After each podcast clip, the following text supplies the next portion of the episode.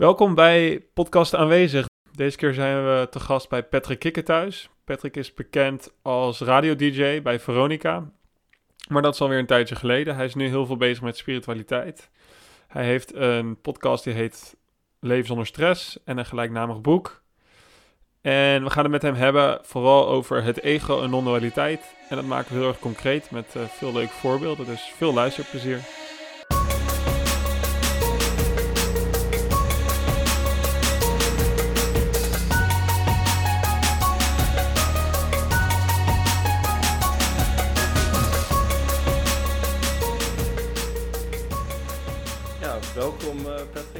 Gek om welkom te zeggen. In, uh, in mijn eigen huis, ja. nee, ja. Leuk om in jullie podcast gast te zijn. Um, hey, om te beginnen, uh, jij hebt in een, uh, in een andere podcast, volgens mij ongeveer een jaar geleden, heb jij een keer gezegd dat je je vaatwasser die liet maken. Omdat je dan met afwas lekker mindful de afwas kon doen. Inmiddels is je vaatwasser gemaakt. Wat, wat zit erachter? Het heeft anderhalf jaar geduurd. Ja, op een gegeven moment was ik daar wel klaar mee weet, ik weet niet of je het herkent, maar je hebt, je hebt dingen waar je een soort van rustig van wordt. Maar dit was op een gegeven moment wel uitgewerkt. Het leverde meer ergernis op dan rust. Dat het zich helemaal opstapelde oh, daar. ja, dus je deed... Ja, ja. Dus het was, je wist van jezelf dat het een beetje rust zou geven, maar dan loop je er toch tegenaan dat het aan het opstapelen ja. is. Ja, het is, het is, iets, het is iets geks hè, met dat uh, ja, mindfulness, mediteren. Ik, het, ik weet niet of jullie dat herkennen, maar sommige dingen die, bijvoorbeeld, ik heb bepaalde podcasts die ik heel vaak terugluister, waar ik helemaal rustig van word. Mhm. Maar op een gegeven moment is dat uitgewerkt. En dan, en dan komt er wel weer iets anders. Ja, dus er is ook weer iets anders voor in de plaats gekomen. Ja, nou ja, wat kan ik? Wat, ja, ik ben over het algemeen wel heel rustig hier. Maar ja, het is ook een, fijn als je gewoon je eigen space hebt. Hè? Ik bedoel, ik woon hier alleen in een, in een huis waar normaal... Ja, de buren hebben twee kinderen bijvoorbeeld. Die wonen daar met z'n vier. Ik woon hier alleen. Ja, wauw. Dat is wel een luxe. Als je ervan houdt. Ja, nee, ik... Ja, alleen te zijn, ja. Ja, ik hou wel van uh, in mijn eigen space zijn. Hey eh, Patrick, jij hebt het heel veel over, um, over ego, over non-dualiteit. Um, ik denk voor veel mensen zijn het toch wel um, ja, ingewikkelde concepten. Wat betekent het uh, voor jou? Ego of non-dualiteit? Of... Ja. We beginnen maar met ego. Ik, ik, ik, denk dat het allebei termen zijn die mensen wel al eerder in deze podcast hebben geluisterd, als ze andere afleveringen hebben geluisterd. Maar ik, ik heb het gevoel dat in ieder geval voor mezelf helpt het om het gewoon te blijven herhalen. En dat het ook best wel even heeft geduurd om, om het kwartje. Ik denk nu in ieder geval dat het kwartje heeft gevallen bij mij. Maar dus ik vind het altijd leuk om even weer voorbeelden erbij te halen. En, en even te denken: oké, dus nou, misschien maar met ego beginnen. Ja, wat is ego? Er zijn natuurlijk veel uh, varianten op. Ik zie het als de ik-maker. Dus het ego is eigenlijk het verhaaltje eromheen, er, achteraf. Of je kunt het ook wel noemen de ondertiteling bij wat er gebeurt. Hè? Er, gebeurt iets, ik weet niet, er valt hier daar een fles om. En dan is het ego, er is de kippen bij om te zeggen: Goh, wat stom.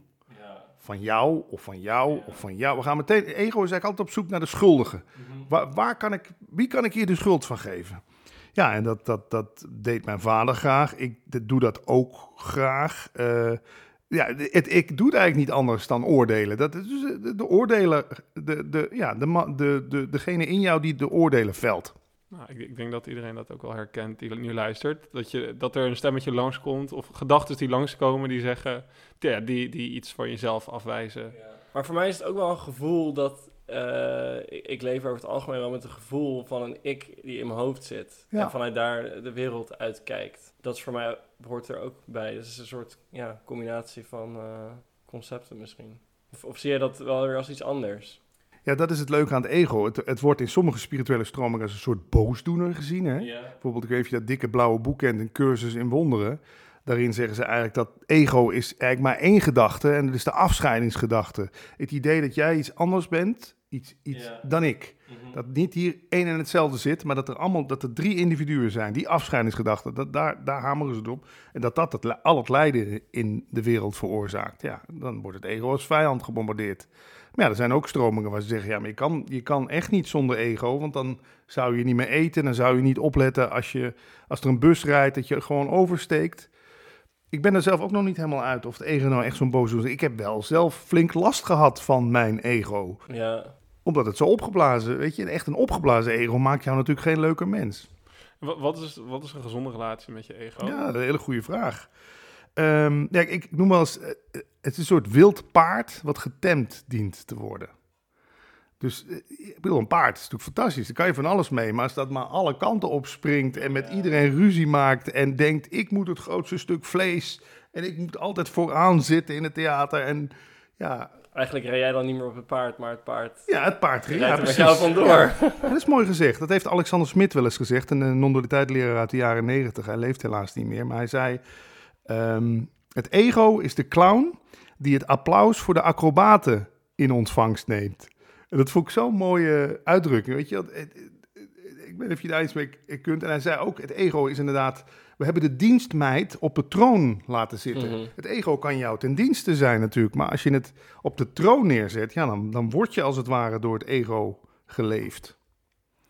Ja, zo, dat zijn wel wat definities.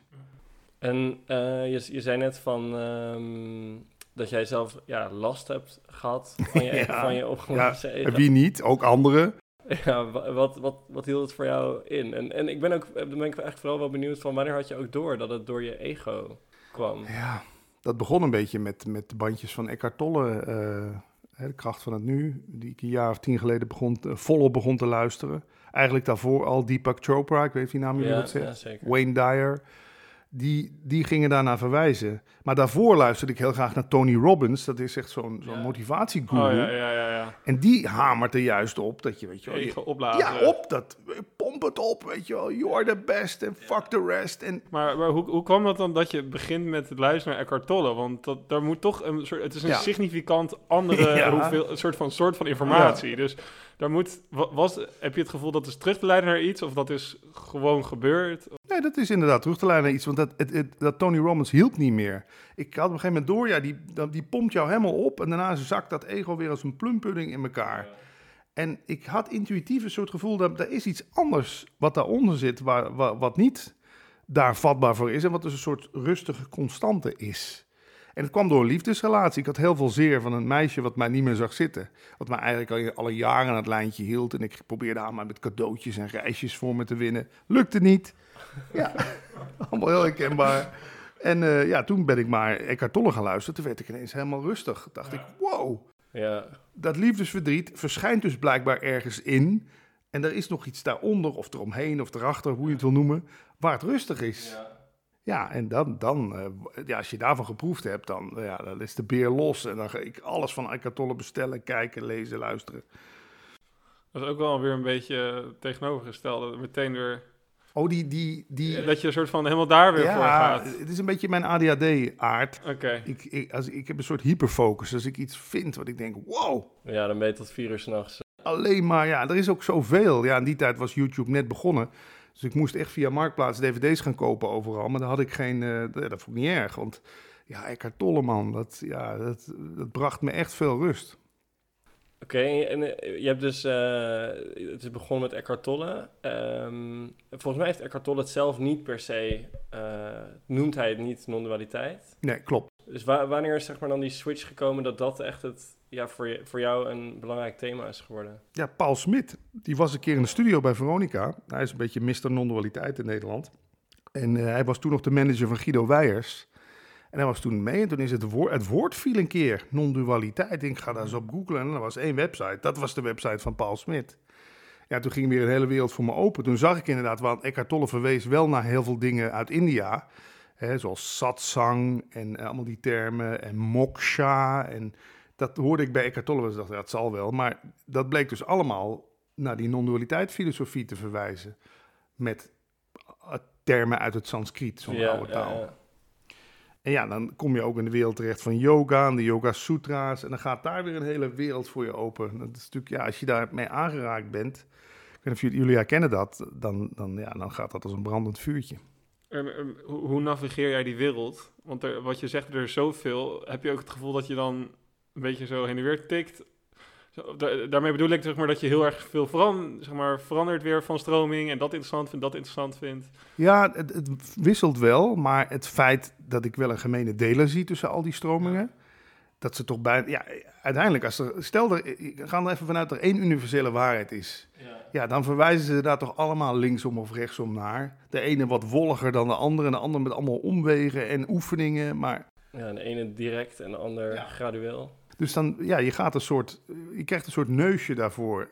En natuurlijk is er ook heel veel bullshit op spiritueel gebied. Maar ja, uiteindelijk, ja, je kan vaak met de meest zweverige New Age types, die kunnen toch één zinnetje zeggen, dat heb ik ervaren. Je denkt, dat is interessant, daar ga ik eens op verder zoeken. Precies wat we vorige aflevering ook hebben besproken. Dat, je, dat het heel mooi is als je ook naar dat soort mensen kan gaan luisteren. Om gewoon even te kijken van... Ja, je hoeft maar 5% uh, ja. eruit. Als, je, als die 5% van die, van die uh, talk uh, nuttig is voor jou, ja. dan... Uh, is het al winst. Ja. En ik heb ook altijd gezegd, ik heb liever een soort spirituele verslaving dan dat ik maar achter de gokkast sta of naar de hoeren of weet ik wat, waar je allemaal verslaafd aan, ja, drugs. Dan, dan laat mij daar maar... En, en hoezo? Wat is, wat is, zeg maar, verslaving is een beetje een negatief woord Ja, natuurlijk. weet ik. Wat, nou, zeg maar, wat zijn dan... Uh... Nou, ik heb wel... Ik heb, jullie zeiden toen... Dat, dat is dan toch een beetje weer, zeg maar, het spirituele ego waar je dan op zit. Zeg maar, het, dat je jezelf, in plaats van dat je zegt, ik moet steeds een grotere auto, zeg je, ik Klopt. moet steeds Dat meer hiermee bezig zijn. Ja, en ik absoluut. ben nooit goed genoeg in spiritualiteit, wat het ook mag Dat betekenen. is absoluut hetzelfde mechanisme. Maar als je het inderdaad in de wereld al overal ingezocht hebt, inderdaad in vrouwen, in auto's, in, in een huis kopen van spaargeld, noem maar op. En, en je voelt je dan nog niet tevreden, dan inderdaad, dan is de volgende zoektocht de spirituele zoektocht. Alleen ik blijf toch zeggen dat ik het een onschuldige zoektocht vind, snap je, waar je niemand kwaad mee doet. Ja. En, maar ik, ik, ik ben met je eens dat dat kan net zo goed weer een speeltje van het ego worden. Want in non-dualiteit wordt bijvoorbeeld ook heel vaak gezegd van uh, sit back, relax and enjoy the show. Hè? Het leven is wat jou gebeurt. We denken allemaal dat we in controle zijn, dat we vrije wil hebben, dat we overal voor kiezen. Maar het is allemaal maar een verhaaltje. Het leven gebeurt gewoon. Een geheel verzorgde reis.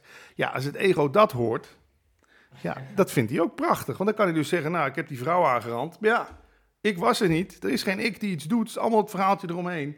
Ja, dat hebben ze ook weer een naam voor verzonnen. Dat heet de Advaita Shuffle.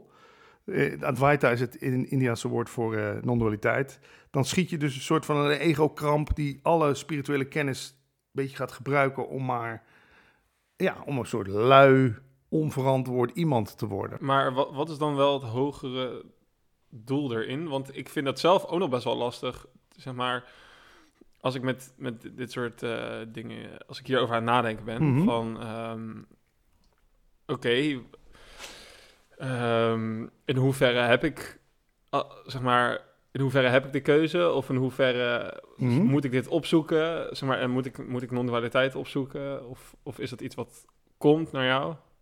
Ik zit nog een beetje te zoeken hoor, voor mezelf ook wat ik wil zeggen. Ja, het kan niet anders eigenlijk. Ik bedoel, dit is nu wat zich nu afspeelt en het had niet anders gekund. En dat geeft mij, dat geeft, heeft mij althans zoveel rust gegeven. Dan kan je dus ook niet het foute doen. Maar, maar hoe, hoe staat dan, hoezo weerlegt dat dan wel het verhaal wat we net hadden over de verkrachting die we wel met z'n allen afwijzen? Ja, dat is, dat is maar dan, dan, dan wordt in onder tijd ook gewoon gezegd, ja, dan is straffen het volgende wat plaatsvindt. En dan is dat jij de gevangenis in gaat, is dat weer het volgende wat plaatsvindt. En dan kan je echt niet, we hebben hier de afspraak dat we doen alsof wij vrije wil hebben. Hè? Het is een soort collectieve afspraak. Ja, ja, dat, in ieder geval, ja, dat je verantwoordelijk wordt gehouden voor je daden en dat moet je wel. Kan je er niet achter verschuilen, zeg ja, maar beste rechter, ik was het niet die ja. het deed. Het is bewustzijn wat het doet. Of het is God die door mij heen alles... Weet je, daar kom je rechter niet mee weg. Maar het voor jezelf al iets meer afstand van het gedane nemen, zullen we maar zeggen. Hè? Dus als jullie hier straks wegrijden, dat je gewoon weet... Nou, dit is wat ze wilden afspelen blijkbaar. Er, we, hebben, we, hebben hier, we hoeven hier geen claim op te leggen dat we het heel goed hebben gedaan... maar we hoeven er ook niet onszelf om de oren te slaan dat we fout hebben gemaakt. Dat gaf mij al heel veel rust... En dat is iets wat zich intern afspeelt. Dat hoef je natuurlijk niet tegen mensen te gaan zeggen. Ja. Dus, dus wat je eigenlijk zegt is: oké, okay, het ego verzorgt heel veel veroordeling. En nu herken je, nu herken je dat. En dan zeg je: oké, okay, ik neem dat, dat stukje neem ik gewoon minder serieus. Ja. probeer ik minder serieus ja. te nemen. Ja. Maar daar zit ook wel weer een stukje drive wat er dan misschien weggaat. Oh, motivatie bedoel je? Ja, motivatie van... Ik hoef me niet meer zo te bewijzen. Ja, ik heb daar met Paul ook veel gesprek over gevoerd. Hij zegt dat het ook allemaal se met seksuele selectie te maken heeft. Jullie zijn nog jonge jongens, in je twintigers, weet je wel. Ja, ik heb me al voortgeplant, ik ben 46. Het lijkt bijna een soort natuurlijk proces dat dat ook van je afvalt, weet je wel. De, de, de drang om van je te laten horen, de drang om, om je voor te planten, de drang om de andere seksen te laten zien. Kijk eens wat een goed genenpakketje ik ben. Dus het is ook nog eens een soort biologisch proces wat zich op de achtergrond afspeelt. Maar er zijn dan net zo goed nog andere doelen die je misschien wil, kan nastreven. Ja, dan vindt dat gewoon plaats. Als ik, maar je merkt dat toch zelf als je ergens echt naartoe getrokken wordt of zo. Hè? Van, oh, hier wil ik meer van weten. Of, oh, ik zou toch naar die artiest of bijeenkomst, satsang, spirituele toestand, wil ik echt naartoe. Ja, dan is het bijna als je er, alsof je er echt naartoe getrokken wordt. En ja, wij zeggen dan wel, ja, ik heb daarvoor gekozen. Of ik heb dat doel gesteld dat ik dit jaar minimaal twee keer naar een spirituele bijeenkomst ga. Ja, ja ik vind het wel mooi om dat een beetje te doorzien. Dat dat allemaal maar eigenlijk de ondertiteling is bij wat er gebeurt. En ik weet dat het, het ego is, natuurlijk als de kippen erbij om te zeggen, ja, maar dan gebeurt er dus niks meer. Als ik, dan ga ik de hele dag op de bank liggen en dan doe ik niks meer. Dan nou, ga dat maar eens proberen. Dat lukt je niet. De hele dag op de bank liggen en niks doen. Nou, dat doen we wel als, als we op retraite zijn, maar dat is ook een uitdaging. Ja, hoe is dat voor jullie? Is dat uh, makkelijk? Um, nou, het is wel makkelijker geworden. Je, je leert het denk ik wel om, om een dag stil te zitten. Maar um, uh, nee, over het algemeen is dat best moeilijk, ja. Ja, en, en hoe ervaren jullie het? Daar ben ik ook wel benieuwd. Hoe ervaren jullie dat ego dan? Is dat voor jullie ook een wild paard dat jullie moeten temmen? Of is het een vriend? Maar het, het, het is eigenlijk... Kijk, helemaal aan het begin van meditatie... dan ben je even gewoon je weg aan het zoeken op... zeg maar, wat is mediteren? Hoe vaak doe ik dit? En, en dan, dan lijkt het ook alsof het alleen betekent... dat je bij je, bij adem blijft, bij wijze van spreken. Maar nu gaat dat gewoon wel dwars door mijn dag heen. En dan zie ik gewoon de gedachten langskomen. En het is, het is ook wel super grappig. Dus hoe, hoe ervaar ik dat? Ja, ergens ook wel, wel een beetje een, een, een, uh, een tweestrijd. Aan de ene kant uh, dat ik erom kan lachen en dan en dat ook los kan laten en vanuit ontspanning er, ermee bezig ben. En, en net zo goed merk ik gewoon nog vaak dat dat, dat niet lukt. En dan is daar weer weerstand tegen. Ja, het gaat dan gewoon weer een treetje hoger, gaat het zeg maar verder. Dus dan, uh, dan merk je dat je misschien door hebt van... hé, hey, ik ben mezelf nu ergens over aan het afwijzen. Bijvoorbeeld, je hebt ergens negatieve gedachten over. En dan krijg je vervolgens weer negatieve gedachten ja, daarover. over, ja. Het is een soort trein, hè? Ja, op een gegeven moment, als je dan nog een niveautje hoger gaat, dan heb je alweer door van, oh ja, dit is misschien niet helemaal uh, waar ik wil zijn. En dan heb je het weer even door en dan een uur later zit je er eigenlijk weer in. Ik vind het ook zo bizar hoe je dan, hoe ik dan het e-, een moment kan hebben van enorme helderheid. Dat ik echt zo denk van, wow, ik zie het gewoon allemaal gebeuren en het komt gewoon zo voorbij. En een uur later zit ik weer gewoon van, oh, ik moet het, uh, ik moet het af hebben en uh, doorwerken. Of, of whatever mijn ego op dat moment uh, vastpakt. Ja, ik vind het zo mooi het woord. Heb je wel eens onderzocht het woord mediteren? Het schijnt van het woord meditaren te komen. Het midden vinden. En dat, dat heeft me altijd zo... Weet je, er wordt in spiritualiteit vaak gesproken van het ego leeft op deze lijn, hè? De, de, de tijdlijn van vroeger. Zegt Eckhart Tolle altijd zo mooi. Het, het, ego is eigenlijk maar met twee dingen bezig. Uh, het, het, verleden en de toekomst. Weet je wel? In het nu is geen ego. Dus het midden vinden is die, die verticale lijn. Waar helemaal niet over tijd gesproken wordt, verleden en toekomst. Nee, nu. En daarom hameren natuurlijk al die spirituele op dat nu, hè, meditaren, het midden vinden. Dus tjak. En ja, ik krijg er toch kippenvel van als ik, daar, als ik daar zo over praat. Ik bedoel, want zie maar eens in. Jullie kwamen bijvoorbeeld binnen en je vroeg aan mij, hoe gaat het? Ja. En nu wil ik niet meteen de spirituele guru uithangen, want dat ben ik helemaal niet. Maar ik vind dat toch altijd een bijzondere vraag. Want hoe gaat het? Het ik vindt van alles. Ja, dat vindt van, ja, fuck, je zou toch weer eens gestofzuigd moeten worden. Wat vinden die jongens er nou van, dat, dat, dat daar nog die kopjes liggen. En weet die plant, fuck, die moet ook water. En weet je wel, ik, het ik heeft zo 40 problemen verzonnen.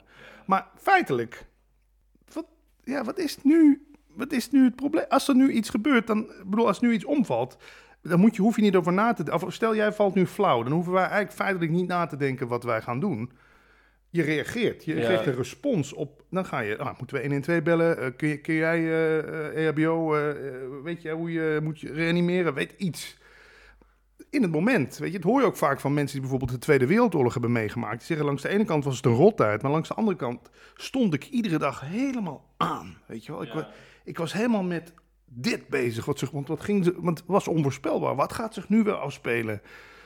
En ja, om maar aan te geven dat dat hele verhaal eromheen van wat moet je doen, wat heb ik goed gedaan, wat moet ik nog doen, wat heb ik fout gedaan, ja.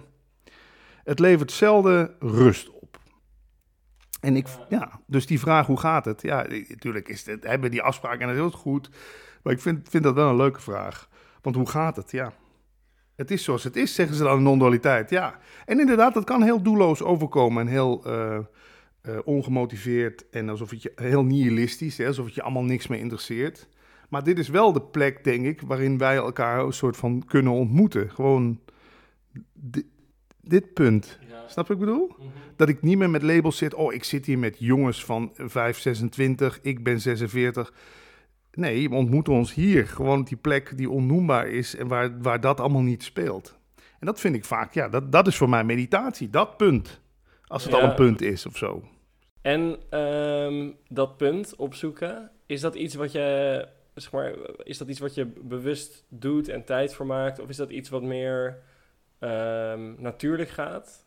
Zeg maar, er zijn natuurlijk verschillende uh, manieren waarop je daarnaar kan kijken. Ik denk in non-dualiteit, als je natuurlijk de gedachte hebt van ja, alles is zoals het is, je hebt er zelf geen invloed op dat lijkt uh, ergens natuurlijk strijdig met meditatie en dan gaan zitten. Om Beoefeningen. ja, precies. Ja, dan is dat wat er gebeurt. Dan, dan vindt er meditatie plaats. Nee, ik vind het een hele mooie vorm. Maar ik, ik vind het mooi, je hebt natuurlijk ook mensen die zeggen... ik ga de hele dag meditatief door het leven. Ik hoef, mhm. ik hoef mijn ogen daar niet voor te sluiten. Ik wil niet zeggen dat, want het is geen kwestie van lukken, maar op de een of andere manier krijg je daar wel een soort feeling voor wanneer dat, wanneer dat gebeurt of zo. En daarom vind ik dit soort gesprekken voeren ook zo mooi, want vaak gebeurt het in dit soort gesprekken wel. We zijn helemaal met onze aandacht nu hier. We zitten niet op onze telefoon te kijken of, of uh, nog naar buiten of, uh, of, of, of, in gedachten. Nee, je bent met je het, is, het heeft toch veel met, ja, dat weet je ook, met aandacht te maken. Waar richt je je aandacht op? Ja, dat is gewoon, ik weet niet. Het is, dat, dat, in, dit gezelschap lukt dat nu heel goed, maar ja, je hebt inderdaad ook mensen. Uh, als je, je kent dat toch, als je met mensen bent die heel toch mentaal bezig zijn. En bijvoorbeeld alles aan het beredeneren zijn wat nu gezegd wordt. Die zie je ook echt zo kijken van. Die zitten echt met hun ogen naar boven. Te, ja, die zitten daar met hun aandacht. Ja, dan voelt dat wel minder fijn of zo, weet ik niet. Of oorspronkelijk. Of. Ja, die stille plek.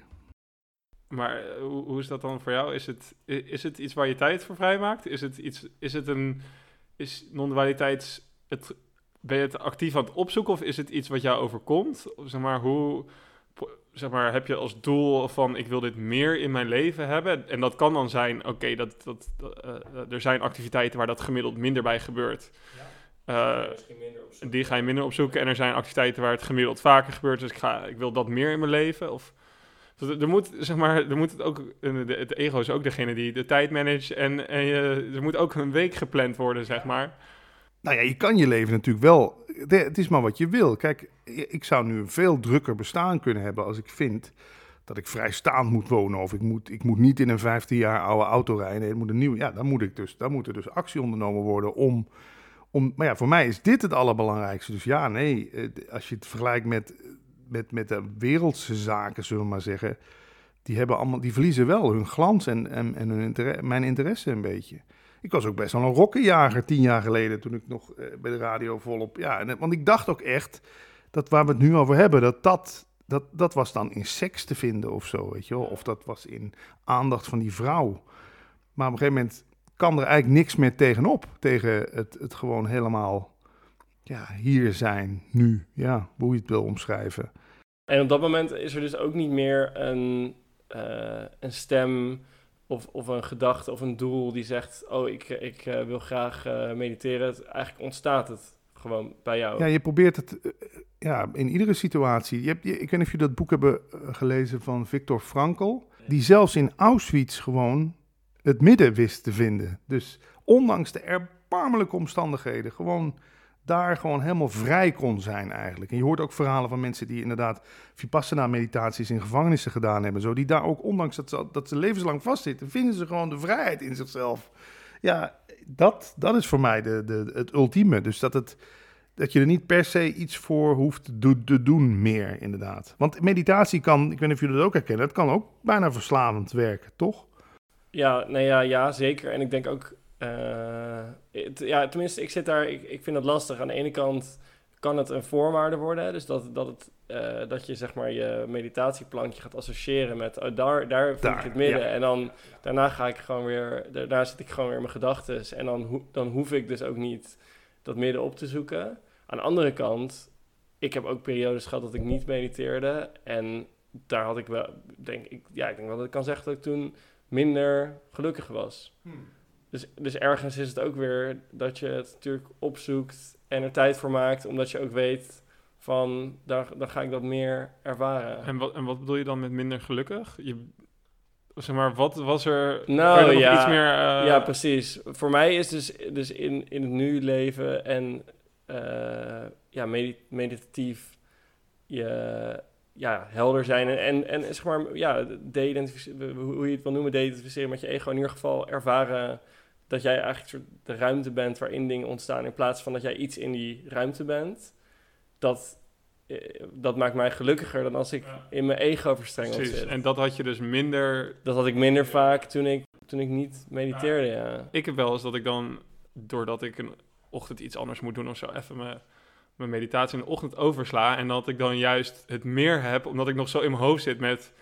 Oh, ik ben meditatie vergeten. Oh, zeg maar, ik ben meditatie overgeslagen. En dan, oh ja, meditatie. Oh ja, ik kan nu gewaar zijn. Ja. Dan, dat, ik, dat ik dat juist vaker heb. Maar dan, dan lijkt wel alsof je zich een beetje verspreidt over de ochtend, zeg maar. Maar dan wel hele, heel veel korte momentjes. Ja, ja, ja, ja. Ik vind het mooi wat jij net zegt, eh, dat ik de ruimte ben waarin de dingen verschijnen. Dat was voor mij ook de zin die bij mij een soort ja, ik wil niet zeggen shift, het klinkt allemaal zo groot, maar in ieder geval wel die iets teweeg bracht. Oude Indianen zeiden het namelijk al, hè? jij komt niet in de kamer, de kamer verschijnt in jou. En dan dacht ik, wow, dan moet ik toch wel iets heel erg groot zijn dat er een kamer in mij kan verschijnen, weet je wel. Maar inderdaad, zo, dat is gewoon 180 graden anders kijken. Je kijkt, Dit verschijnt nu in ons. Ja. Maar je kan ook niks ervaren buiten jezelf. Dat is dus alles wat je ervaart. Is... Ja. En er zijn mooie films van. Heb je, heb je de film What the Bleep Do We Know gezien? Nooit van Mijn filmtip, What the Bleep Do We Know. Zo zet het in de show notes. Daarin zie je ook, dan kijkt die vrouw in de film kijkt die kant op, dan verdwijnt hier de wereld zo. Oh, ja. En dan kijkt ze die kant, wordt, wordt de wereld weer gauw opgebouwd. Oh ja. Ik heb het als kind had ik dat al, dat ik dacht van... Um, ik dacht al zeg maar dat de wereld pas gecreëerd werd als ik er kwam. Dus... Ja, nou, dat, maar dat is, dat, dat schijnt is dat wel zo. Ja, ja. ja. maar dus dat klinkt heel egoïstisch. Zeggen mensen, oh, dus jij bent blijkbaar zo belangrijk dat jij ervoor zorgt dat de wereld verschijnt. Nee, nee, nee, nee. Dat is, je bent een soort filmdoek waarop de film genaamd de wereld geprojecteerd kan worden. dat heeft Eckhart het dan steeds maar over, Eckhart Tolle, presence. De, de aanwezige, aanwezigheid eigenlijk. En als je zo naar alles kijkt, dan kan je ook van alles verwonderd raken. Net als een klein kind dan eh, een half uur naar een blaadje kan kijken. En je bent ook veel, vind ik, respectvoller naar alles en iedereen toe. Want als jij in mij verschijnt en jij verschijnt in mij en die plant en die bloem en, en, en deze tafel, dan ga je met alles toch, vind ik, respect. Het is allemaal, ja. het is allemaal even belangrijk, zullen we maar zeggen. Gewoon, en het is allemaal jou eigenlijk. Ja, het wordt, het wordt minder uh, uh, het duale van... Het maakt mij niet uit of het goed gaat met jou of niet. Het, maakt, het moet alleen met mij goed gaan. Dat, dat wordt wat minder. Ja, want jij, ja, jij idealiter wordt dat... Ja, ja, precies. In Lakesh, hè, ik herken mij in jou. Of jou in mij. Maar ik vind dat toch ook wel een beetje abstract. Ik ben, ja, zeg maar, zeg maar, we kunnen dat wel heel mooi roepen, ja, dat maar is dan waar. ik de, zeg maar, en ik, ik heb ook wel het gevoel door meditatie dat je dan meer van jezelf herkent in een andere persoon. Of daar ook wel toe genushed wordt, toe naar gewezen wordt van hé, hey, we zijn eigenlijk allemaal hetzelfde vergelijkbaar. Maar als ik pijn heb, dan kan ik daar wel anders mee om dan als ik zie dat Marijn pijn heeft. Ja. Dan dat vind je fijn. Nou ja, nee, dat, maar dat is dus... Ja, ja bij mij er zit er gewoon meer verkramping als het bij mezelf is. Als bij jou is, dan denk ik, uh, ja. nou, we gaan eens even rustig. Uh, ja. Dat zeggen ze er ook. If you think you're so enlightened, go and spend a weekend with your parents. ga maar weer een weekend of een week bij je ouders logeren. Kijken wat er dan allemaal weer opkomt en aangeraakt wordt. Nee, het is, het is natuurlijk met spiritualiteit, zolang alles goed gaat, ja, dan is het natuurlijk allemaal, oh ja, alles verschijnt in mij. Maar durf je ook, te, dus ook Syrië verschijnt in jou, hè, met, met kinderlijkjes en, en, en fosforbommen en weet ik wat allemaal. Ja, dan, oeh, ja. Nou ja, en het lijkt mij ook wel, er zijn gewoon genoeg periodes in ons leven waar het misschien wat minder uh, voorspoedig gaat. Ja, voor, je, voor jezelf dan. Voor jezelf. Ja. ja. Ja, nee, die, die heb ik ook wel gekend. Maar toch is er op de een of andere manier wel iets, als je dat herkent. Ja, Paul noemt dat dan uitzoomen. Dat je, als je een beetje uitzoomt, denk je ook van ja, als dit nou een film was waarin geen reet gebeurde, dan vond ik er geen reet aan. Dus de, ja, nu gebeurt, nu gebeurt een autocrash. Ja, nu gebeurt een familielid wat over, overlijdt. Niet om er een soort. Tuurlijk, ik kan me weer voorstellen dat mensen denken: ja, maar dan word je toch totaal onbetrokken bij alles. En dan interesseert je je geen reet meer. Maar ja, mij geeft het een soort. net dat beetje afstand zo ervan kunnen nemen, zo, weet je wel. Ja, dat, dat is gewoon prettig, want dan word je er ook niet helemaal in meegezogen. Want wat ook in veel non, in non-dualiteit heb je ook allemaal verschillende stromingen. Er is natuurlijk ook een, een, een grote stroming in non-dualiteit die gewoon zegt dat dit een droom is. Weet je, vannacht in de diepe droomloze slaap ben je eigenlijk wakker. Dat is eigenlijk jouw essentie. En als je wak, wakker wordt, mhm. begint eigenlijk de droom genaamd de wereld. En als je dan weer gaat slapen, dus vannacht, eh, en, en je valt weer in slaap, dan keer je eigenlijk weer een soort van terug naar huis. En ja, ik hou sowieso van mensen die dat stellig durven te beweren. Want ja, dat, daar krijg je natuurlijk enorm veel weerstand op. Maar laten we eerlijk zijn. Als jij niet die diepe droomloze slaap hebt gehad, heb jij kut geslapen, toch? Dat, is, dat, is, dat, is, dat, moet, dat heeft dit ding gewoon nodig. Dus ja, ik, ik kan daar wel wat mee. Dat het ook dat weer omgekeerd is. Nu zijn we aan het dromen, vannacht zijn we wakker. Maar ja, wacht, die logica snap ik nee? niet helemaal. Dan moet je wel even meenemen. Nou, als dit toch de droom is. De droom genaamd de wereld. Hè, dit is gewoon echt een hele hardnekkige droom. Ja, precies. Nee, dat, daar kan ik ja. wel in komen. Zeker. En die diepe droomloze slaap, als jij er eigenlijk feitelijk niet bent... dan ben je je essentie, dan ben je zeg maar helemaal in bliss... Daar kun je ook niks van herinneren. Hè? Dat, is, mhm. is eigenlijk hetzelfde als voordat je geboren werd en nadat je gestorven bent. Die plek, zullen we maar zeggen. Ja, precies. En dan, ja, maar het feit dat dit dan een droom genoemd wordt, ik vind dat stelt me op de een of andere manier ook alweer gerust. Want dan hoef ik het ook allemaal niet zo serieus te nemen. Als jij vannacht droomt dat je Napoleon bent, hè? En je, en je wordt wakker, dan ga je toch ook niet zo de hele dag, ik ben Napoleon. Ja, wel van, oh ja, gelukkig, ja, was maar een ja, droom. het was maar een droom. En dat vind ik ook zo mooi aan dit. Als je dit ook gewoon kunt zien als gewoon een, een droom, een film die zich afspeelt, waar niet zo gek veel van afhangt. Weet je wel? Het lijkt wel alsof we heel erg status moeten hebben en dingen moeten bewijzen. Maar uiteindelijk, en dat zie je vaak bij kinderen ook, die zien dit toch ook gewoon als een spel. Die, die bouwen een zandkasteel op het strand en dan, dan spoelt de zee het weg en ze, ze malen er geen moment meer om. En wij zouden denken, oh, foto's maken, vastleggen, mijn zandkasteel. Nou ja, dat, nou, ik sla misschien een beetje door. Nou, wel, ik, ik ben wel benieuwd, als ik jou zo hoor praten, dan vind ik dat je nog best wel zeg maar, op een intellectuele, verhalende manier over non-dualiteit praat. En ik ben wel nieuwsgierig in hoeverre is het ook echt een geleefde ervaring. Want het is weer, oh ja, het stelt mij gerust dat het een droom is. En dan ga ik daar in, op mijn verhalende level ga ik daar mee.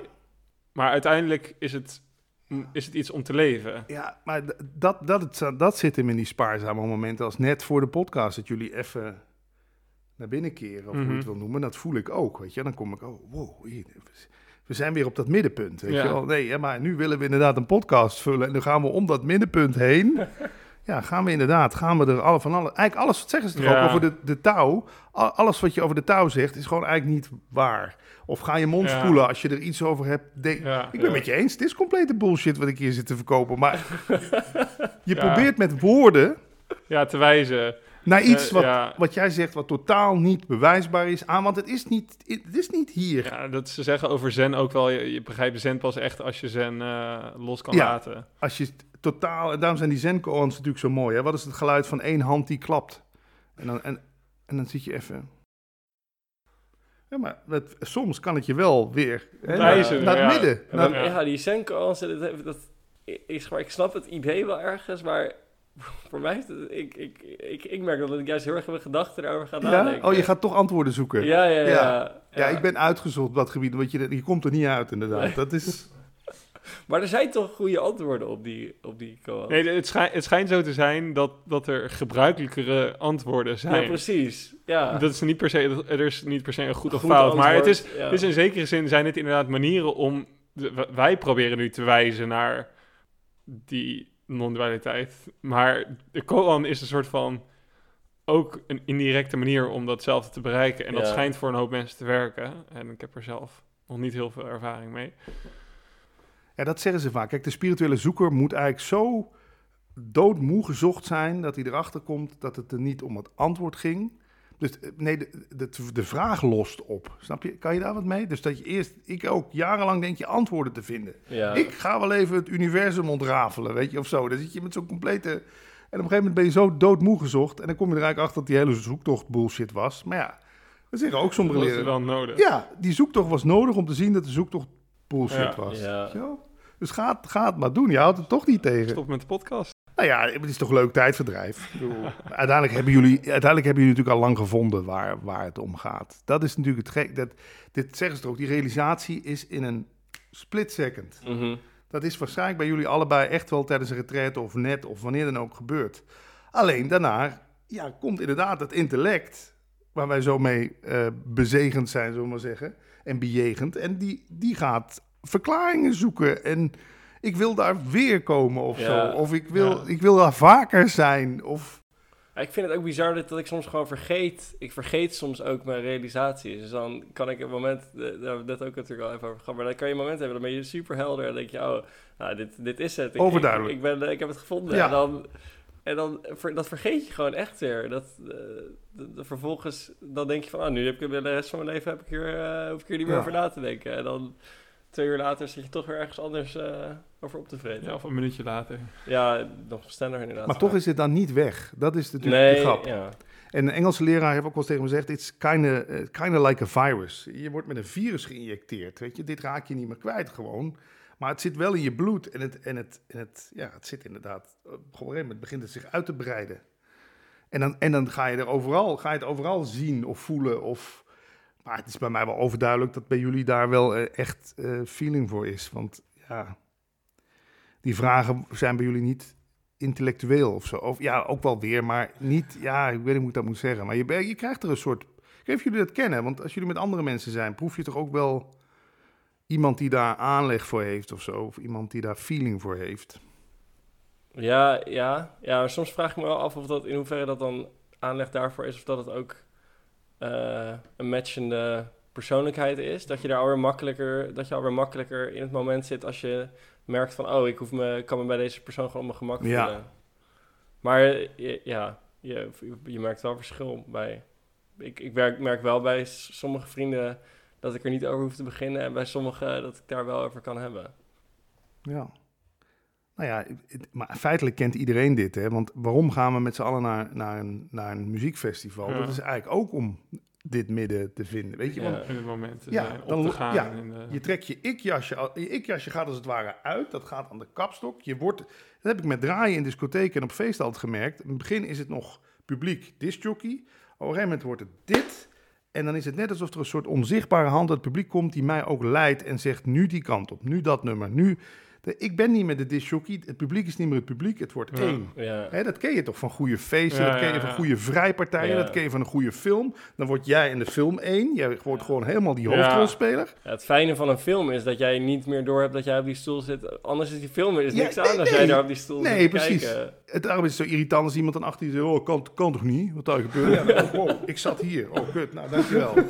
Hup, met je aandacht inderdaad daar. Ja. Het is natuurlijk echt een aandachtding. En, maar iedere, ieder vrienden, en vaak noem ik dat dan als voorbeeld inderdaad. Kijk, ik ga graag naar satsangs. Dat zijn van die, je kent mhm. het van die spirituele bijeenkomsten.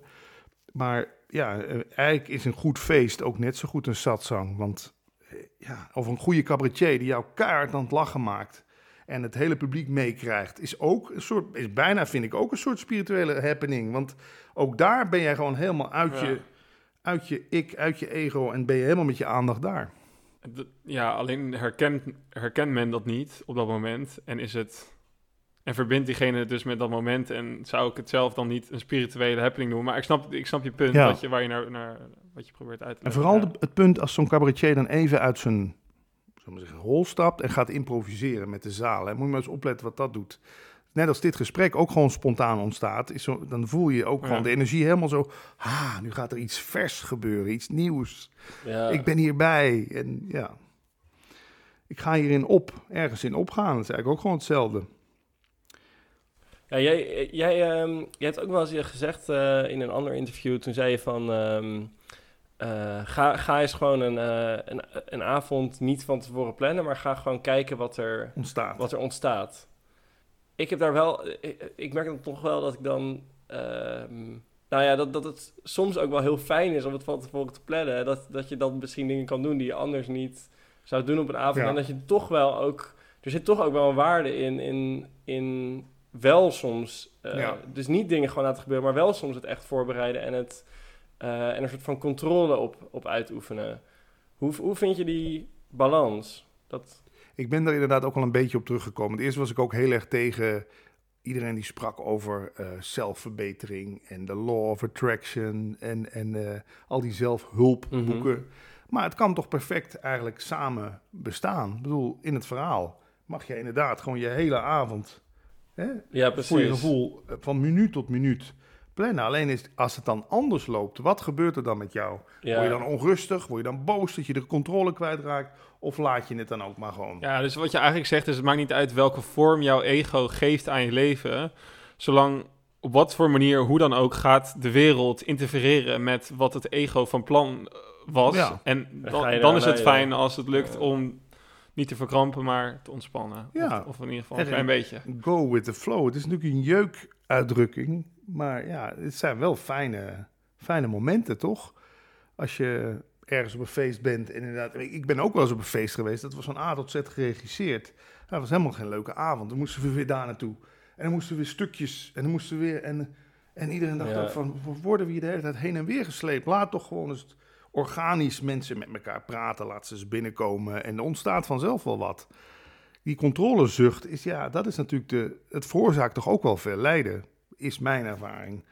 Als ik heel erg gecontroleerd, me heel erg gecontroleerd voel of zelf heel erg denk de controle te moeten hebben, ja, het, wordt, het wordt er voor mij niet leuker op.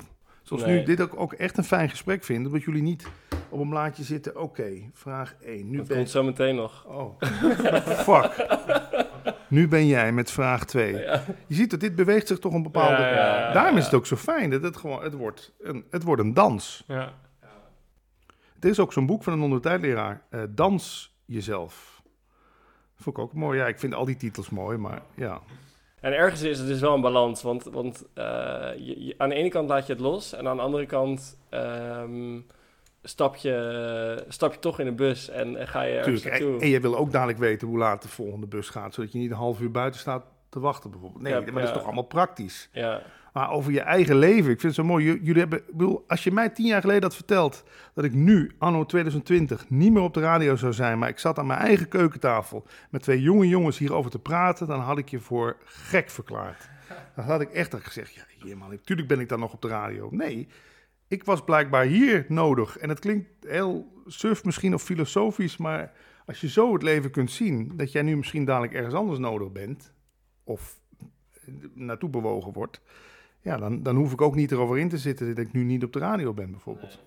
En dat dit nu voor mij net zo waardevol, dan wel misschien nog waardevoller is. Maar ik had dat tien jaar geleden echt niet geloofd. Dus in hoeverre heb ik daar controle op gehad? Ja. Nou, dat, dat sluit wel aan wat ik graag nog wel wilde, wilde vragen.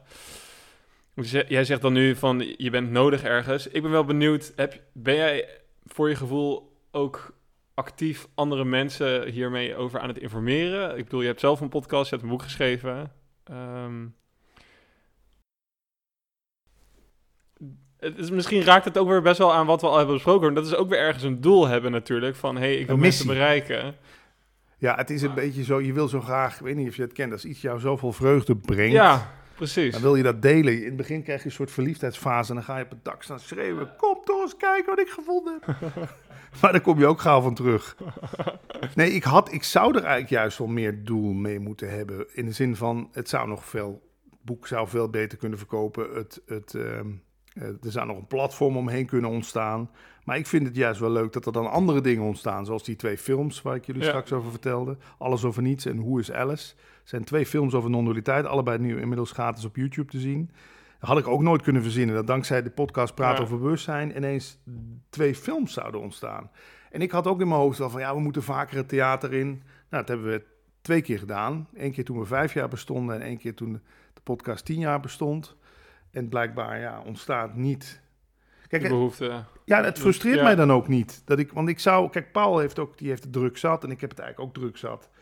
Ja, dan kan ik wel, ik moet en zal iedere maand in het theater staan. Ja, dan in mij geeft het alweer een naar onrustig gevoel. Ja, dan wordt die theater ja, dat snap ik, maar niet, uh, beter van waarschijnlijk. Je kan, zeg maar, ik, ben wel gewoon nieuwsgierig wat jij zegt. Wel van, ik, ik, ervaar, ik heb iets goeds ervaren en daardoor wil ik op automatisch dat met andere mensen delen. Ja. Hoe actief ben je dat aan het doen voor je gevoel? Mm, ja, een nieuwsbrief verstuur ik dan één keer in de twee weken. Die podcast, die promote ik. Kijk, ik zie, ik probeer, ik heb het wel geprobeerd, maar dit is echt een onderwerp. Dit krijg je mensen niet. Ja ik weet niet of jullie dat ook ervaren. Sommige mensen hebben de oren naar, maar ook heel veel mensen zeggen: Ach, Vertel me liever wat Ajax gedaan heeft van het weekend. Of, en, maar we moeten ook niet doen net alsof dit dan belangrijker of relevanter is dan de uitslag van Ajax Feyenoord. Want uiteindelijk, als het toch allemaal hetzelfde is en het is maar een droom, moeten we ook niet nu doen alsof wij nu met iets heel belangrijks bezig zijn. Een soort spirituele quest. om heel de wereld te vertellen dat de wereld maar een droom is. Want ze gaan, je ga je toch niet. Of dat, hè, dat we dat midden vinden en dat het daar zo fijn is. Nee, daar moet je toch op een gegeven moment zelf hebben jullie wel eens onderzocht wat bij jullie vandaan komt? Want vaak zit het toch ook een beetje in de familielijn. Dat een van je ouders hier al mee bezig was. Nou, nee. nee? Onze ouders kijken. Uh, tenminste, nou, wat zeg ik nou wel? Nee, ik denk wel, het is wel... Het is bij mij begonnen omdat ik... Um, ik kon heel slecht omgaan met uh, spanning voor uh, schaatswedstrijden. Was ik echt helemaal... stond ik te trillen op mijn benen ja? aan de start. En toen zei mijn trainer van... Misschien moet je eens proberen te, te mediteren ja, was toen echt puur gewoon als oefening om met een emotie om te gaan, heel erg doelgericht. En uiteindelijk, dan, toen bleef ik dat doen. Ik merkte dat voor andere dingen ook werkte. En dan op een gegeven moment kom je in aanraking met waar die meditaties vandaan komen en de stromingen. En uh, is dat, ja, ik ja, denk wel een beetje organisch. Gaat dat dan? Ja, niet gepusht door iemand. Nee, het is niet, uh, het is niet dat ik een boek in mijn handen heb ge gedrukt, uh, gedrukt gekregen. Ja. En voor jou? Ja, uh, echt helemaal vanuit interesse. De, Marieke, mijn zus, die gingen een verpas, of die wilde een verpas naar het gaan doen. En toen zat ik al van, huh? Gaat ze tien dagen lang uh, in stilzitten? Dat klinkt wel, ik wist niet dat dat kon. Dus dat klinkt al wel boeiend. En toen uh, ja, is een beetje zo gaan lopen om, om daar met mensen over te hebben. En ja, tijdens ik best wel wat gereisd de afgelopen jaren. En dan dan kom je vanzelf wel mensen tegen die een beetje ervaring daarmee hebben. En dan, ja, eigenlijk wel vergelijkbaar met Marijn, ook wel allemaal organisch en gewoon vanuit interesse ontstaan. En, en dat, die, dat is eigenlijk gegroeid en gebleven. En, en merk nu dat ik het gewoon heel erg leuk vind om over dit soort dingen te lezen en mee bezig te zijn. En uh, ja. Ja, ik heb toch wel het idee, tenminste bij mij is dat dan in ieder geval zo, maar ik ben dan toch, vaak ben ik wel dankbaar voor dat, je, dat ik dan bepaalde moeilijke momenten heb meegemaakt. Want die hebben er uiteindelijk weer voor gezorgd dat ik dit heb ontdekt. Ik bedoel, mijn hele leven alleen maar goed nee, was gegaan. Zonder crisis geen ontwaken, wordt er altijd gezegd. Het is toch, je, ik ben, heb, je, heb jij een crisis meegemaakt? Iets dat je... Je zit erin, middenin. nou ja, nou ja, maar ja. Ik heb ook hier een jaar of zes geleden woonde mijn ex hier nog. Ik ben een soort van gaan zwerven. En dat heeft me wel uiteindelijk wel inderdaad weer een hoop uh, ja, gebracht. Klinkt ook zo groot, maar ja, inderdaad. De, de, degene die het allemaal voor de wind gaat, die gaat niet op zoek natuurlijk. Die, die denkt, nou, ik heb toch mijn natje weer droog. Ze noemen wel eens de gouden kooi. Er zijn ook veel spirituele zoekers die willen eigenlijk alleen de gevangenis een beetje, de gevangenis genaamd het ik, een beetje opleuken. Gouden tralies erin, een schilderijtje. Maar op een gegeven moment heb je toch ook die urge, ik wil uit die gevangenis breken. Het is een denkbeeldige gevangenis, maar, maar toch, je wil die vrijheid. Ja, en dan, dan ga je dit soort dingen doen en zoeken. En... Maar, maar kijk, het kan eh, met iemand heel erg goed gaan, maar uiteindelijk, of in ieder geval, dat is wel echt een beetje boeddhistisch misschien, maar mhm. het idee dat het lijden vanzelf wel komt. En allemaal als je het begrip lijden wat breder trekt dan, dan pijn lijden of... Ja, ja. Ja, dat, dat komt vanzelf in je leven, dat er dingen tegenslaan of dat het niet goed gaat. Of dat je het, het, idee van Duca dat, je nooit, dat het nooit goed genoeg is. Want dan, dan, heb je, dan ben je op de radio en dan heb je meer luisteraars en dan wil je de middagshow. En dan, dan is het van wat is het volgende, weet je. Je hoort altijd... En dat, is, als, als je speels naar ego kan kijken en denkt, nou, wat zullen we nu eens gaan doen? Dan is het goed. Maar niet als je daar je identiteit en je, en je plezier en je... Want, gaat ophangen, dan ben je alleen maar naar buiten, naar buiten aan het wijzen en uiteindelijk moet het van binnen komen. Ja, die boeddhisten zijn sowieso interessant. Hè? Je hebt ook wel eens gezien toch dat ze helemaal zo'n... Daar zijn ze tien dagen mee bezig of zo. Met ja, ja, ja, ja. zo'n kunstwerk. En daarna... Ja. Er worden geen foto's van gemaakt, niks. Weg. En denk, wauw. Ja, die hebben wel door dat, dat, het in, dat het in het nu is ook het enige moment dat je het plezier en voldoening kan vinden. Ik dacht ook altijd dat de, dat de voldoening achteraf kwam. Hè? Ja, als je dat boek af hebt en ja. uh, gaat goed verkopen. En dan de verkoopcijfers. Als dit gesprek goed uh, beluisterd gaat worden dat we dan denken, yes, nu. Nee, het zit hem in toch weer het nu doen. Nu plezier beleven. En als het straks blijkt dat het niet opgenomen is, weet je wel? Nou, dan denk je, nou oké, maar dan hebben we toch super inspirerend gesprek. Ik heb wel heel veel gedaan om tussen voor, voor te Ja, dat wel. Ja, ik heb, natuurlijk heb ik ook die mechanismes nog van het vastleggen en het... Dat hou je toch niet... Ik bedoel, mensen denken ook dat je... Ik ken ze niet. Ken jij egoloze mensen die inderdaad... Die totaal niet meer interesseert of ze beluisterd, bekeken worden? Tuurlijk zit hier ook een stukje nog van een kleine zoektocht naar waardering of, een, of je toch pas speciaal voelen dat je dan geïnterviewd wordt of zo. Maar inderdaad, jij zegt als je daar de speelsheid van in kan zien. Jan van Delden is ook zo'n non-dualiteitleraar, die zegt altijd, nou, als, als jij een kind van drie hebt, die komt met een koffertje aan, zegt papa, mama, ik ga naar mijn werk toe. Wat doe je dan? Dan zeg je niet, je doet normaal, je bent drie, je gaat helemaal niet naar je werk toe. Weet je wel, kom hier, ga zitten. Nee, dan speel je mee. Maar feitelijk zegt hij ook, de, 30 jaar later de man met pak die in de Porsche aankomt rijden en heel gewichtig doet met zijn koffertje, is nog net zo onschuldig als dat kind van drie. Ja. Dus je speelt mee. Je gaat, en als je ook zo met jezelf kan mee omgaan, van oh, ik, ben, ik ben nu toch wel echt iemand, hè? Oh, weet je wel. En dat je die andere ook, je hoeft hem niet te kleineren, maar dat je andere toe ook gewoon een beetje meespeelt. Zo, hoe je Porsche? Top. Maar van binnen weet je, ja, het is allemaal omzonst. Wat maakt dat nou uit? Dat jij nu toevallig jij gelooft erin dat dit jou heel wat maakt. Weet je wel. Maar voor jezelf weten dat hij natuurlijk net, dat hij net zo onschuldig en zoekende is eigenlijk als dat kind van drie. Die heel erg naar een identiteit op zoek is. Ja. En het gewoon kan zien als spel. Dat vind ik een mooi woord. Ja. Als je het gewoon allemaal kan zien als spel, dan hangt er ook niet zo gek veel van af. En je kan er wel fanatiek in meegaan. Want ik neem aan als jij een wedstrijd schaats, dat je toch... Ja, ja zeker. En het is toch niet sinds dat je mediteert dat je dat je dan denkt, nou, zoals die boeddhisten zeggen, wat maakt het uit wie er als eerste over de finish komt? Ze hebben toch allemaal die afstand afgelegd? Dus ze verdienen allemaal een medaille. Ja, ja, dat zeggen die boeddhisten, die moeten allemaal een medaille hebben. Toch allemaal dat stuk. het is... Het is een, ja, tenminste, ik neem aan dat jij nog altijd trots kan zijn als je goed gereden hebt. Of, of, of... Ja, inmiddels gaat het niet meer, op, dat, uh, op, dat, niveau. Maar zeker, ja, het is niet dat er nu minder, dat er nu minder drive of zo is. Die motivatie is er nog steeds. Die komt gewoon en die beweegt je een bepaalde kant op. En daar mag je er ook van genieten. Ik bedoel, het is inderdaad niet, gaat er niet om dat, vind ik altijd onthechten, vind ik altijd zo'n zo'n zo'n jeukwoord alsof je van alles moet onthechten. Hè? Van alles, alle pleziertjes. Net als die monniken die niet meer naar borsten mogen kijken en zo. En dat vind ik allemaal zo geforceerd. Nee, als jij, ik heb als het lente wordt, ja, weet je wel, dan zie je, ja. Het is meer het omarmen van het ego. En niet in plaats van het soort van helemaal af, af een deel afkappen. Ik ga mag geen verleidingen meer. Ik mag niet meer naar vrouwen kijken. En ik, ik mag alleen nog maar vegan die ventiel hier moet afgesloten. Alles. ja, nee.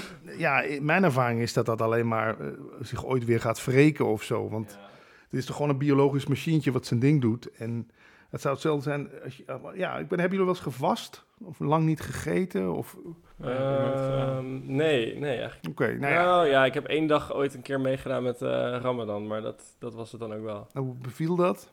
Uh, nou, eigenlijk, zeg maar, aan het begin um, merk je die onwennigheid. S ochtends had ik dat, dat je merkt van, huh, dit is, dit is gek. Maar op een gegeven moment wen je er ook wel weer aan dat je, dat je dan zonder eten zit. Het is, net, het is een beetje alsof je over je slaap heen ja, komt. Ja, ja, ja. Oh, ik vind dat, vind dat wel die rituelen. Ik weet niet of jullie daar... Ik vind die rituelen die ze al jaar, al eeuwenlang doen... Dan zie ik, want Vipassana is natuurlijk eigenlijk ook, is ook al eeuwen oud. Als je het allemaal ziet als ritueel, dan kan ik er wel wat mee. Weet je, dat mensen, nou, dan gaan we eens uitproberen, tien dagen alleen maar vasten en op water uh, leven. Toch, ik, ik hoor van mensen, ik heb het zelf ook nog nooit gedaan, je ziet het. Maar als, dat je er wel heel helder van in je hoofd mhm. wordt of zo. Want, dat, want die, die zoektocht naar eten is natuurlijk ook, dat kan je ook helemaal in beslag. Ik bedoel, het ego vindt tijd een heerlijk speeltje vindt um, geld een heerlijk speeltje om, om zichzelf mee eten. Dan hoorde ik laatst een verhaal van iemand die was voor 750 euro gaan uiteten met, met zijn vriendin. Bij een drie sterren restaurant. Ik dacht alleen maar koekoek. Maar ja, hij dacht, weet je wel, wauw, ik kan me dat veroorloven. Dus ja, dat vind ik altijd wel leuk om te zien hoe... En dan, en dan dus eens proberen hoe dat is om tien dagen dan niet te eten. Wat het e-, ego dan voor verhalen gaat verzinnen. En zich gaat sputteren en ja, dat vind ik altijd wel leuk, die, die rituelen. Ik heb wel het idee dat er altijd wel weer ook wel makkelijk iets anders voor de plaats komt. Dus uh, toen ik voor het eerst Vipassana retreat ging doen, toen, nou, dan, dan eet je dus minder en uh, qua afleiding en zo. Je hebt geen telefoon, niet schrijven, niet lezen. Maar toen merkte ik dat ik weer helemaal uh, bezig was met, uh, oh, voel ik me wel goed en word ik niet gek? En dat je dan daar weer een heel verhaal over krijgt. Ik bedoel, ego is wel best wel inventief, vind ik, met... Ja dingen bedenken om je uit het, uit het nu te halen. Ja. Aram Kara zeggen ze in India, de ikmaker. Je uiteindelijk probeert hij toch weer daar een verhaaltje van te maken waar, waar je een soort houvast. Maar ja, als je nou gewoon het leven als een soort vrije val kunt zien, zonder houvast, ja, dat is in het begin eng, maar het brengt toch, vind ik, ook heel veel vrijheid met zich mee. Want, je, want feitelijk weten we ook niet. Het kan best zijn dat een van ons drieën dadelijk naar buiten loopt er valt een baksteen op je hoofd en het was het, hè? Je hebt dat niet in de hand. En dan wordt ook door veel spirituele figuren gezegd van omdat we die ergens van diep van binnen weten we hoe onzeker het bestaan eigenlijk is. Hè? Mhm. Dat het van het een op het andere moment kan het gewoon afgelopen zijn. Dit kan het laatste woord zijn wat ik heb uitgesproken. En daardoor gaan we maar een soort houvast verzinnen, een identiteit. Daardoor willen we ook maar heel veel van onszelf op YouTube zetten en zo, om, om dan toch nog maar te bestaan of zo. Of een soort bestaan te kunnen claimen. Maar dit is, je weet, het is super vluchtig. Het is net als de eendagsvlieg, het kan zomaar afgelopen zijn. Maar ja, dat durven we te omarmen en te denken, ja, het is een soort vrije val. En ik weet echt niet waar het naartoe gaat en wanneer, hoe lang ik nog mag ademen. Ja, dat is eng. Hey, je, ik wil nog even terugkomen, iets, wat jij net zei. Je zei net van, uh, heb jij wel eens iemand ontmoet zonder uh, ego?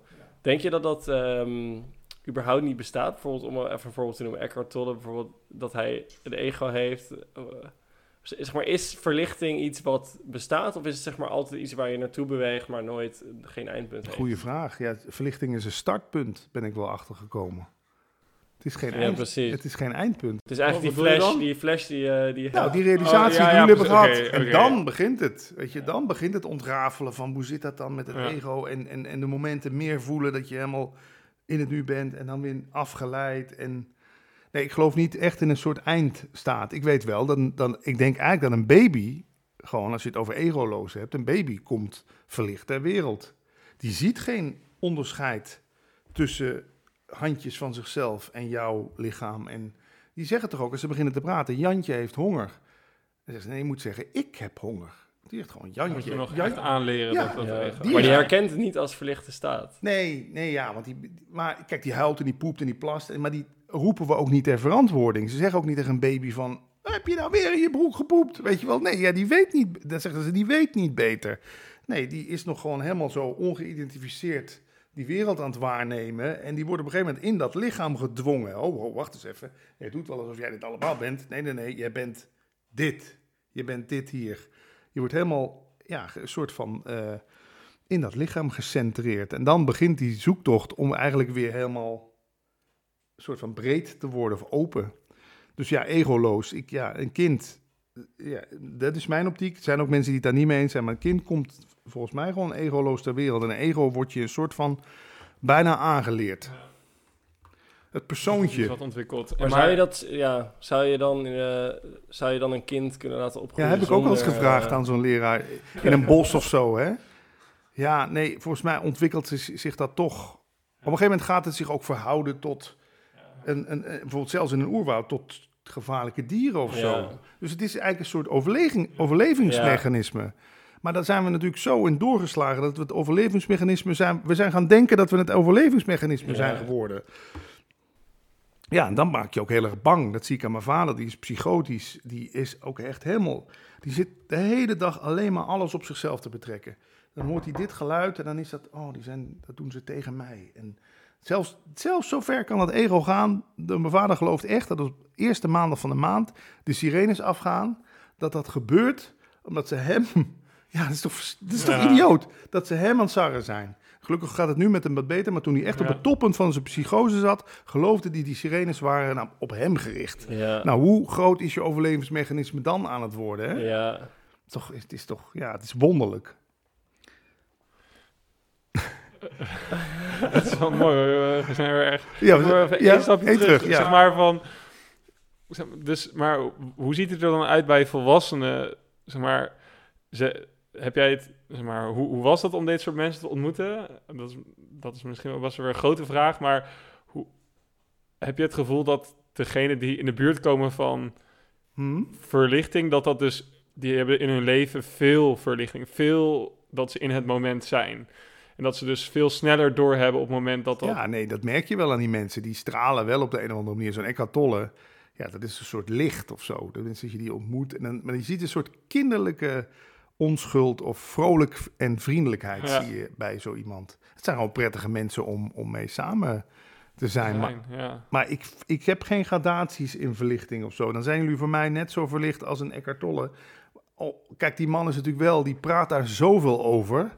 Op een gegeven moment, ja, kan hij zich ook bijna niet meer veroorloven om achter de schermen eh, te keer, keihard te keer te gaan en zichzelf helemaal belangrijk te maken. En, maar ja, je kent de verhalen van al die goeroes natuurlijk wel, die, die dan leerlingen misbruiken of, of uh, helemaal vereerd willen worden. Je moet mijn voeten kussen. Ja. Ja, ik vind, ja, wat moet ik daarvan vinden? Ik, ik verblijf in geen mening. maar ja, ergens uh, is natuurlijk spirituele groei staat niet altijd gelijk aan uh, morele groei. Dus, dus uh, Sam, Sam Harris heeft hier ook wel eens over gehad dat er dan dat hij bij sommige van die leraren echt geen moment twijfelt aan hun spirituele realisatie, ja. maar dat het zich gewoon niet 100% correleert met dat je dan ook moreel een beter persoon wordt. En dus dan is natuurlijk ook weer de vraag van wiens moreel is dat dan? Maar nou, ik vind ook, er bestaat niet zoiets als spiritueel gedrag. Ik bedoel, een, een seriemoordenaar in de gevangenis, die kan dit gewoon gezien hebben en er daardoor gewoon over kunnen spreken. Ik vind dat je dat ook gewoon los moet, moet zien van elkaar. Uh, wat iemand in de wereld, ik weet dat niet iedereen het daarmee eens is, dat, dat een, moet, een leraar moet blijkbaar brandschoon zijn en die mag niet die mag niet meer roken, geen vlees meer eten. Dat stond onder het interview met Eckhart Tolle. Oh, ik was zo in het Engels dan. I, was so disappointed when I read somewhere that Eckhart still eats meat. Ja. Ja, ik, ik vind dat je dat los moet kunnen zien. Het is op hoogst gezegd is het misschien een beetje dat je denkt vreemd. Dat hij dan, hè, dan niet ziet dat, dat, dat hij die dieren ook is. Dus eigenlijk dat leed mede aan het veroorzaken is. Maar ja. Ja, er, ja, ja. Um, ik, ik heb wel... Uh, ik kan, kan, me voorstellen dat er luisteraars zijn die de, dit hebben geluisterd, die, die nog steeds zoiets hebben van ja, maar, maar hebben ze dat, toch dat non-dualiteit, wat, wat, uh, zijn er manieren om dit praktisch te ervaren? Of soort van dingen die je kan doen als je, als je gewoon dit luistert en je denkt van ja, maar wat, wat is dat nou toch? Hoe kan ik dat ervaren? Zijn er dan dingen die je kan doen om dat ja, te doen? Ik weet niet of je dat moment kent als je, als je in bed ligt en je bent wakker, maar je realiseert je nog niet echt dat je wakker bent. weet je mhm. wel? Je bent nog niet uh, je hebt niet je voeten op de, op de grond gezet en je bent weer aan het denken: oh fuck, het is vandaag maandag, ik moet weer naar mijn werk. Dat moment kennen heel veel mensen. Ja, dat is eigenlijk non-dualiteit. Dat gewoon er wel zijn, maar niet, niet geïdentificeerd zijn met dit poppetje, met wat er zich op dat moment afspeelt. Dat nog even die, die monkey mind noemen ze het ook wel, dat die nog even stil is. Ja. Vaak ken je die momenten ook als je iets heel lekkers eet. Dan los je toch ook even helemaal op. Dan ben je helemaal die smaak of zo, hè. Of je inderdaad, wat je zei, dat je in een film of een serie gezogen wordt. Je gaat helemaal. Dat is eigenlijk ook. Dan ben je, ook, dan ben je er ook niet eigenlijk, toch? En toch, toch vind ik dat wel nog anders dan. Um, dan... dan ben je er ook niet bewust van. En dan, dan op een gegeven moment dan ga je terugdenken van... Oh, ik heb net een film gekeken. En dan denk je over... Ik was daar een film aan het kijken. Maar dan heb je niet door dat je eigenlijk geïdentificeerd was met die film. En dus... Ja. Terwijl als ik kijk naar de momenten inderdaad dat, dat die ik zou omschrijven als, als zeg maar die inzichten en ja, dat, je nog wel het ervaart, dan ervaar je ook dat je het ervaart. Ja, precies. Ja, ja, ja. Dat is maar om, als een soort van beginpunt. Ja. Want we weten allemaal hoe fijn dat is, toch? Om, om er eigenlijk, we weten allemaal hoe fijn het is om er eigenlijk niet te zijn. een korte marketing speech uh, voor, uh, voor? voor non-dualiteit. Dus zeg maar, oh. de, de, ik bedoel meer te zeggen van, uh, zo van je weet, je kent die momenten wel. En dan gaan we het nu bewust opzoeken, maar dan heel anders. Ja, en we, en we komen erachter dat er eigenlijk vrij weinig voor nodig is. Dat vind ik toch ook er mooi aan. En maar veel mensen die wel eens LSD, ik weet, hebben jullie drugs? Ja, we hebben de laatste podcast wel over psychedelica ook, ja. gemaakt. Ja, vaak is dat natuurlijk ook. Ayahuasca, heb je dat al? Nee, nee uh, de psychedelische drugs staan ook wel bekend om, om, om precies dit inzicht. Het op te lossen. En, ja. Dus ja, wat wil ik daar nou eigenlijk mee zeggen? Nou, dat er eigenlijk feitelijk geen drugs voor nodig zijn, toch? Want jullie hebben dat ook. Even, ik gewoon helemaal met je aandacht naar binnen. En... Ik denk niet dat er drugs voor nodig zijn. Ik denk wel dat drugs erbij kan helpen om zoiets te ont... Ja, zeker voor de eerste... Uh, zeg maar voor... Ja, ik heb wel het idee als je het nog nooit hebt ervaren... dat, dat de kans dat je het ervaart met drugs is misschien hoger dan als je... Dus ja, je kan iemand tien dagen laten mediteren... en dan nog weet je niet zeker of hij of die dat gaat ervaren. Ja. Ja, het is iets, het is, ze noemen het ook wel genade, toch? Het, is, het, over, het overkomt je. En ja, bij de een is dat misschien één seconde voordat hij doodgaat. Bij de ander is dat gewoon al, zoals jullie, al halverwege je twintig. Je hoort ook van mensen die een zwaar ongeluk hebben meegemaakt. Bijvoorbeeld die heel erg met de motor uh, onderuit zijn gegaan. Die ook even gewoon een soort van, wat? Die krijgen een soort slap in de face van het bestaan. En die worden ook even zo, wacht eens even ja. Ik zag het voor me, ja. het ging in slow motion. Ja, het was een soort hele gekke ervaring. Uh. Ja, ja dat, ik vind dat altijd wel mooi. Die voorbeelden van hoe het bij iedereen linksom of rechtsom anders... anders sommige mensen hebben het in een kerk, sommige mensen hebben wel zitten te bidden. Ik weet niet of jullie dat ook... Ik zie bidden eigenlijk ook als een vorm van meditatie. Ik bedoel... Alhoewel dan soms natuurlijk wel, dan wordt er heel gebeden om iets of zo. Ja, er zitten natuurlijk ook wel weer concepten veel omheen. Maar maar, mensen... maar, ja, maar ja, ik denk ook wel dat, um, dat als je kijkt naar het christendom qua origine, dat het, dat het heel anders was dan hoe het nu... Dat er veel meer concepten bij zijn gekomen en dat het van origine... Nou, misschien wel gewoon uh, net zo spiritueel is als dat ja. je nu een spirituele stroming hebt. Vooral de gnostiek, hè? De, de, de, de echt oorspronkelijke uh, christelijke leer, ja. Daar verwezen ze ook naar dit soort dingen en, en mediteren en waarheid. Oké. We zijn er zo'n beetje, geloof ik, hè? ja, het is uh, grappig hoe dat zo'n gesprek er uh, tot het einde komt. Het voelt niet als een uur. Dat vind ik altijd zo mooi. Als je, als je hierover praat, is, is het, dan ga je een soort aan, hè? Ja. En dan, woef, dan... Ja. En ik zeg ook altijd, het, misschien wel mooi om daar een soort filosofisch mee af te sluiten. Het is net alsof er een soort onzichtbare vriend Kijk, in, in Cursus in Wonderen wordt heel erg met christelijke terminologie gegooid. Alsof het Christusbewustzijn ineens neerdaalt. Zo noemen zij het dan. Hè? Ja. wij noemen het gewoon het midden. Ja, ja. zo mag het ook van. En zij hebben dan, gooien dan helemaal echt met, met dat soort termen. Ja, prima, geef het beestje maar een naam. Ik, je weet toch wat je voelt. Mm Je weet toch inderdaad wat er voor een kippenvel of rust of ja. enthousiasme over je heen komt. En dat is gewoon fijn. Nou, dankjewel. Ja, ja dankjewel. Uh, ik heb van genoten. Ik vond het uh, bijzonder prettig. Ja, leuk dat we zo bij elkaar zijn gekomen. Zeker. Box. Dubbele box. Mag dat? Oké, okay, dankjewel. doei, doei. Doei. Mediteer ze allemaal.